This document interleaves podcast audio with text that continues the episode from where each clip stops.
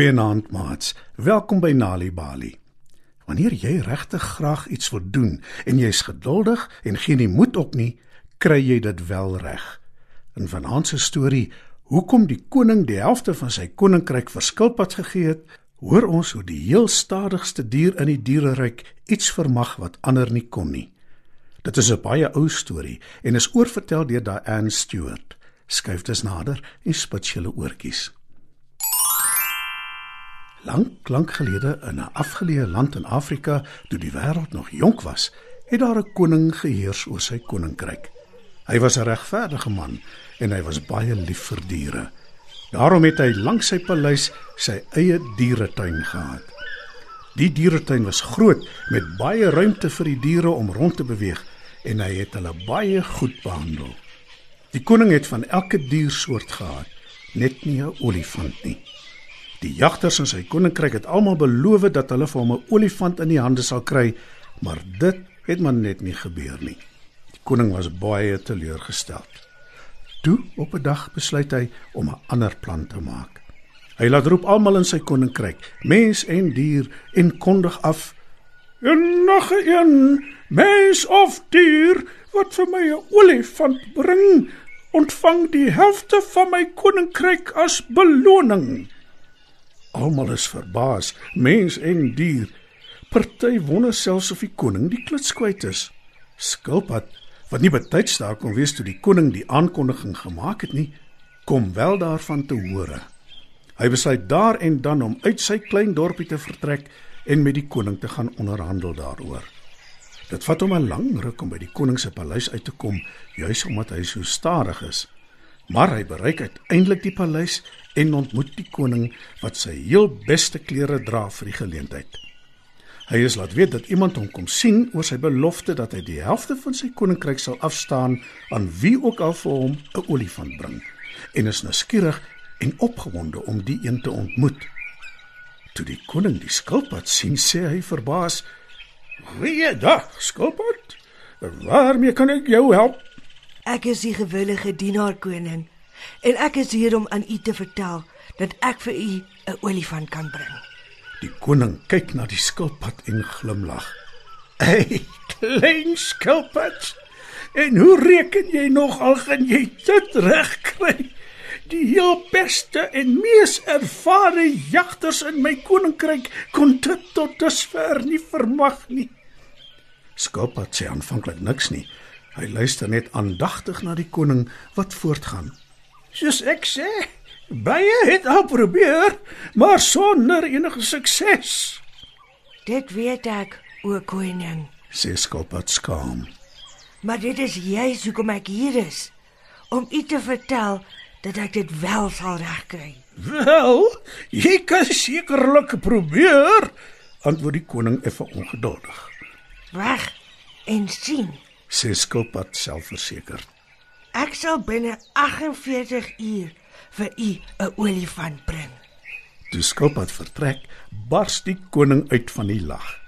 Hy is seker die klein stadige dier sal dit nooit regkry nie, maar skilpad is vol hoop toe hy die paleis verlaat.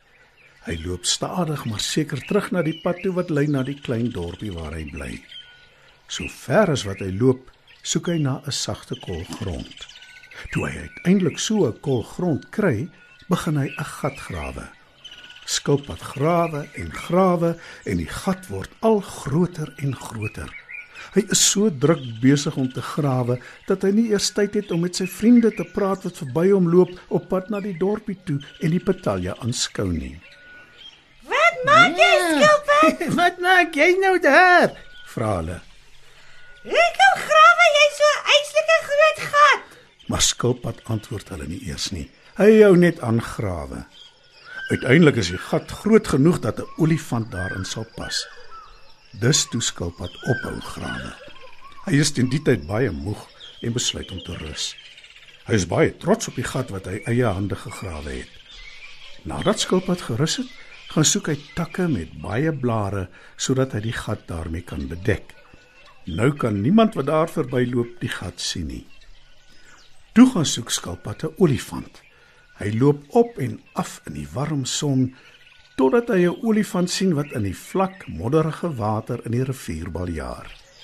Die dier slurp die water op met sy slurp en spuit dit dan oor sy hele lyf.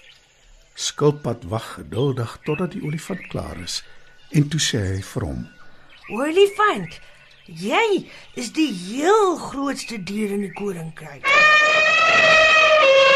Ja, ek is klein skilpad, spot die olifant en flap sy ore. Moet jy dan nie eintlik die koning wees nie? Sê skilpad en kyk bewonderend na die olifant se lang ivoortande. Olifant dink 'n oomblik na en sê: "Ek het nog nooit so daaraan gedink nie, maar jy het beslis 'n punt beet." Olifant kom uit die water aangestap na skilpad toe. Wel, olifant, Sê die klein skilpad. die ander inwoners van die koninkryk dink ook so.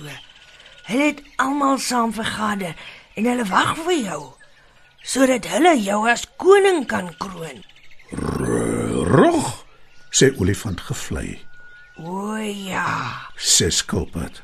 hulle is almal baie opgewonde. Kom saam met my en kom kyk. En met die oorhandig skilpad 'n string helder kleurige krale aan olifant wat hy om sy nek moet hang. Toe lei hy die dier al met die pad langs na die dorpie toe.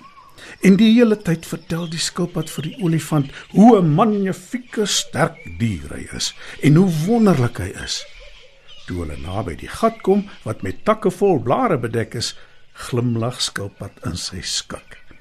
Hy loop effe eenkant toe om die gat te vermy, maar die eislike groot olifant loop reg oor die takke en val in die gat wat skilpad gegrawe het. Skilpad is nou baie opgewonde dat hy die olifant gevang het. Hy gaan dadelik na die koning se paleis toe om hom te vertel. Die koning kan sy ore nie glo nie. "Ek sal self moet gaan kyk," sê die koning en voeg daarby die woord. Toe die koning die olifant in die gat sien, prys hy die skilpad en sê: "Nie een van my jagters in my koninkryk kon dit regkry nie, maar jy het. Nou het ek so waar my eie olifant." Die koning is 'n man van sy woord. Hy gee vir skilpad die helfte van sy koninkryk soos wat hy beloof het. En dit is hoe skilpad 'n klein stadige dier van wie niemand verwag het om vir die koning sy eie olifant te kry nie, die helfte van die koninkryk bekom. En die olifant het lank en gelukkig in die koning se dieretuin gewoon waar hy sy eie watergat gehad het. Al is hy om die bos gelei deur die skilpad, was hy bly want hy het op sy eie rondgeloop sonder maats en 'n trop. Maar niemand was gelukkiger as die koning nie. Wanneer kinders tuistories hoor, help dit hulle om beter leerders te word op skool. Vir meer stories om vir kinders voor te lees of vir stories wat kinders self kan lees, besoek ons by www.nalibali.mobi. Daar is heelwat stories in verskeie tale absoluut gratis beskikbaar. Daar is ook wenke oor hoe om stories vir kinders te lees en met hulle te deel sodat hulle hulle volle potensiaal kan ontwikkel. Nalibali is ook op Facebook en daar is Nalibali stories en aktiwiteite in bylaas van koerante. Story Power bring dit huis toe.